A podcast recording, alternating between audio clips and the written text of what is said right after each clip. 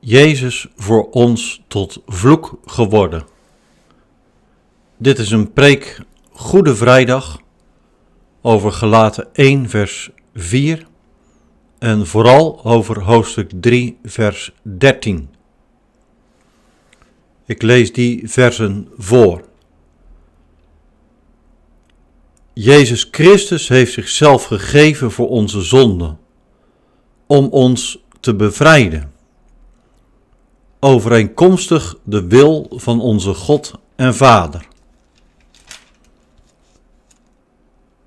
Christus heeft ons vrijgekocht van de vloek van de wet, door voor ons vervloekt te worden, want er staat geschreven, vervloekt is ieder mens die aan een paal hangt. Zo zouden in Christus Jezus alle volken delen in de zegen van Abraham en zouden wij, zoals is beloofd, door geloof de geest ontvangen. Zo spreekt de Heer. Gemeente van de Heer, beste luisteraar, vandaag vieren wij Goede Vrijdag, onze bevrijdingsdag. Paulus zegt, Jezus Christus heeft zich gegeven voor onze zonden, om ons te bevrijden. Overeenkomstig de wil van onze God en Vader hoofdstuk 1, vers 4. En hoofdstuk 3 gaat Paulus in op de manier waarop Jezus zich heeft gegeven. Namelijk, Jezus werd een vloek door te worden gekruisigd. De vier evangeliën vertellen ons dat Jezus werd gekruisigd, maar we hebben de brieven van het Nieuwe Testament en de schriften, het Oude Testament, nodig om te zien wat die kruisdood betekent. De brieven en de schriften zijn als het ware de schijnwerpers op Golgotha. Alle lichten moeten aan om je te laten beseffen wat je bevrijding is, wie je bevrijder is. Nu is er wel een moeilijkheid. Je moet weten in Gelaten 3, vers 6 tot met 14 heeft Paulus zeker zes teksten uit het Oude Testament in zijn hoofd. En die zes teksten verbindt hij ook nog op verschillende manieren met elkaar. Teksten uit Genesis, Leviticus, Deuteronomium en Habakkuk. Paulus is een schriftgeleerde. Al Gods woorden zitten in zijn hart, in zijn hoofd. En je merkt dat hij alles uit de kast haalt om te laten zien wat Golgotha betekent. Het is zelfs mogelijk dat Paulus voor zijn bekering de delen die hij hier uit het Oude Testament noemt, gebruikte om aan de Joodse christenen te laten zien dat Jezus de Messias niet kan zijn. Want wie aan een paal hangt, is door God vervloekt. Dat zegt de schrift, dat citeert Paulus hier in Gelaten 3. Nou, dan kan Jezus van Nazareth toch Gods Messias niet zijn. Hij is immers gekruisigd, hij is vervloekt. Weg met hem. Weg met die secte van de weg. Maar dan komt dat hemelse licht. Dat gooit Paulus op de grond. Handelingen 9. De gekruisigde Jezus leeft. Paulus moet erkennen, hij is Heer. Alles wat Paulus ooit heeft geleerd, en gelezen verandert. De woorden blijven gelijk. Inderdaad, Golgotha is een vloek. Jezus is een vloek geworden. Deze nauwelijks te bevatten woorden durft Paulus zelfs op te schrijven. Daar is niks religieus aantrekkelijks aan. Niks moois aan.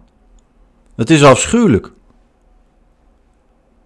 Maar één ding is totaal anders dat Jezus vloek is geworden, vervloekt is geworden, brengt zegen, zegt Paulus in Galaten 3, vers 14. De zegen die God ooit aan Abraham heeft beloofd. Die zegen is voor ieder die gelooft, zegt Paulus in vers 9. De situatie in Galatië was dat er nieuwe predikers achter Paulus aanreisden en hem corrigeerden. Zij leerden, ja goed, Jezus, het geloof in Jezus, prima, maar bepaalde Joodse gebruiken Indrukwekkende oude gebruiken, besnijdenis, voedselwetten, die blijven van belang. Wil je bij Gods volk horen? Wil je gered worden? En dat klonk indrukwekkend. Veel indrukwekkender dan een afzichtelijk kruis, een martelwerktuig. En zo heeft iedere tijd, iedere cultuur iets om Jezus' verlossingswerk te relativeren of aan de kant te schuiven. Dat lees je in Gelaten, Paulus zegt het.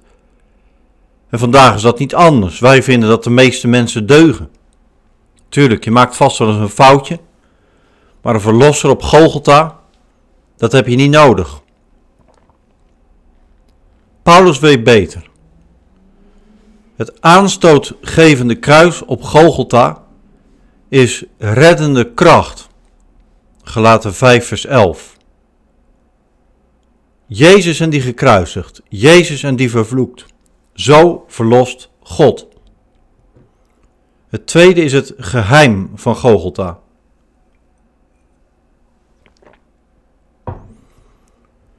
We gaan beter naar gelaten 3 vers 13 luisteren. Paulus heeft het over de vloek van de wet waarvan Jezus ons verlost.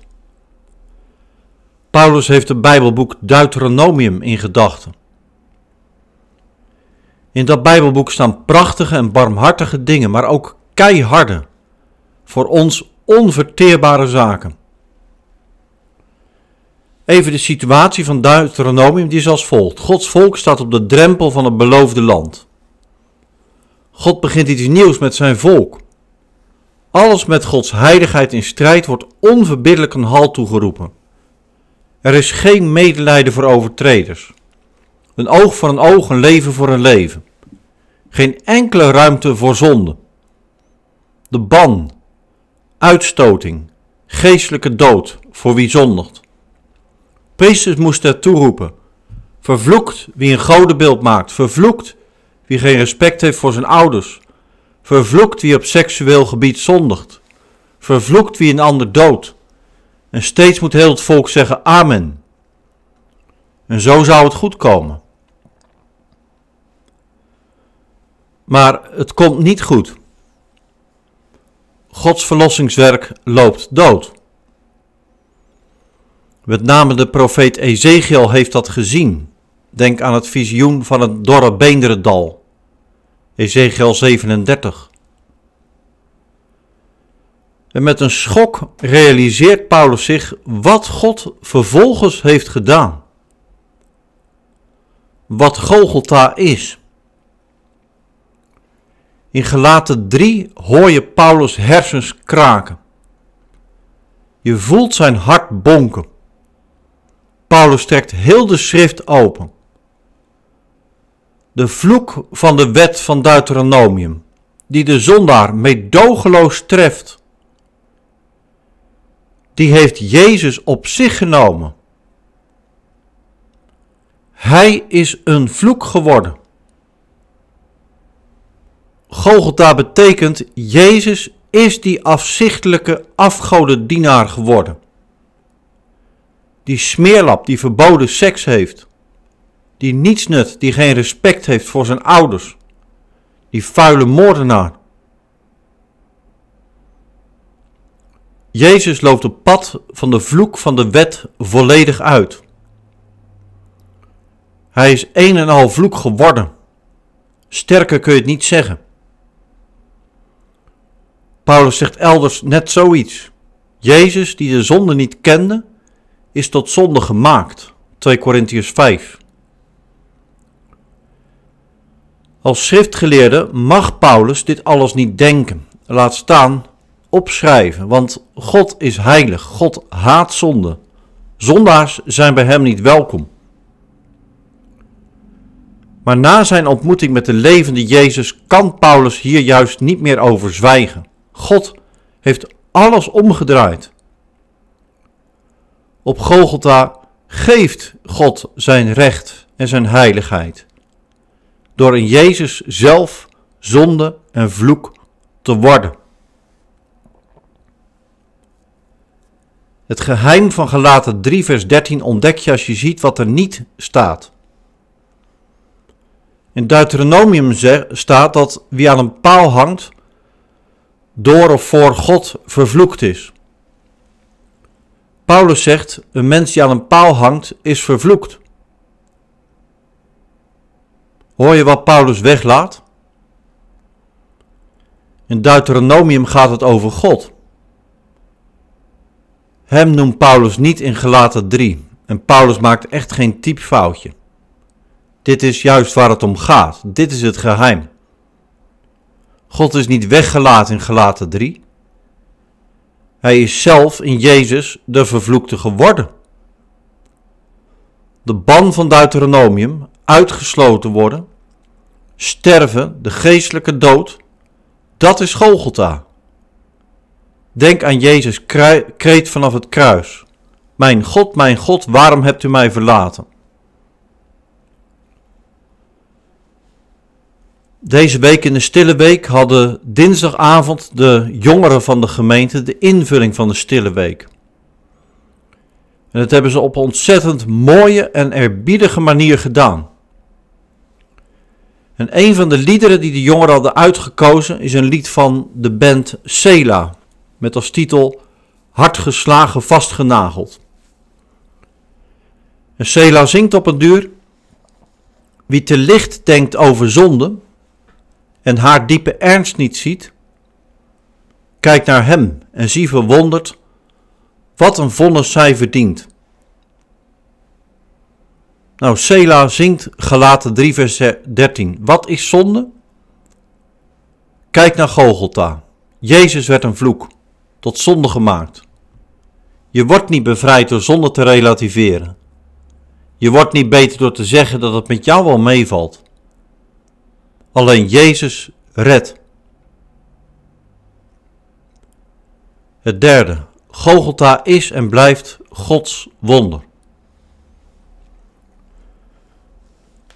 Als de zaak dan zo ligt volgens het evangelie, waarom hebben wij het dan over Goede Vrijdag?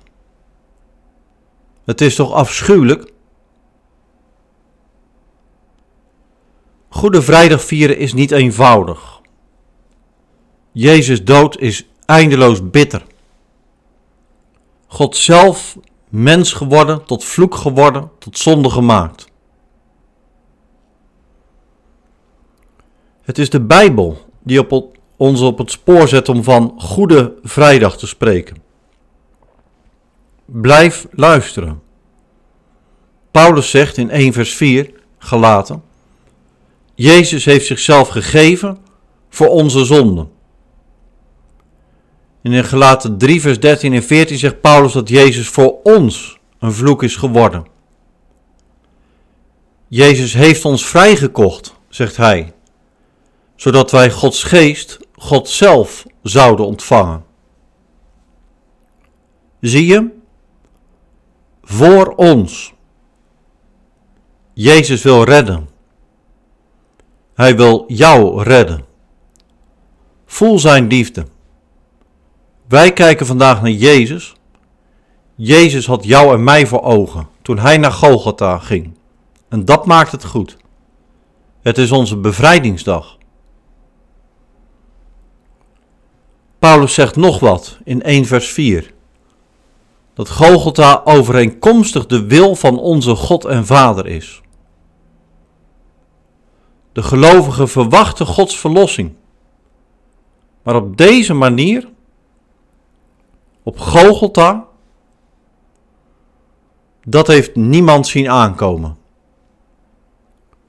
En ook nu God dit gedaan heeft, blijft het wonderlijk en dat merk je hieraan. Mensen blijven met ideeën komen, godsdienstige ideeën of andere ideeën, om Gods wonderlijke weg via Golgotha te omzeilen, te relativeren, weg te duwen.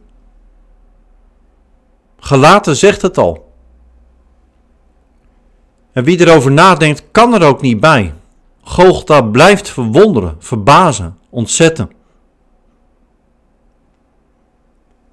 Het Evangelie zegt: Dit heeft God voor ons gedaan. Goede Vrijdag is verlossingswerk van dat drie-ene God, Vader, Zoon en Geest. Zo laat God zien wie Hij is. rechtvaardig en barmhartig, trouw en goed, eindeloos wijs en almachtig. Je kunt, zoals zoveel, Gogolta van je afhouden. Maar draai het eens om. Bedenk dit. En bedenk dat juist vandaag. Je zult maar bij deze God horen. Je zult maar volgeling van Jezus zijn. Hij is echt goed. Amen.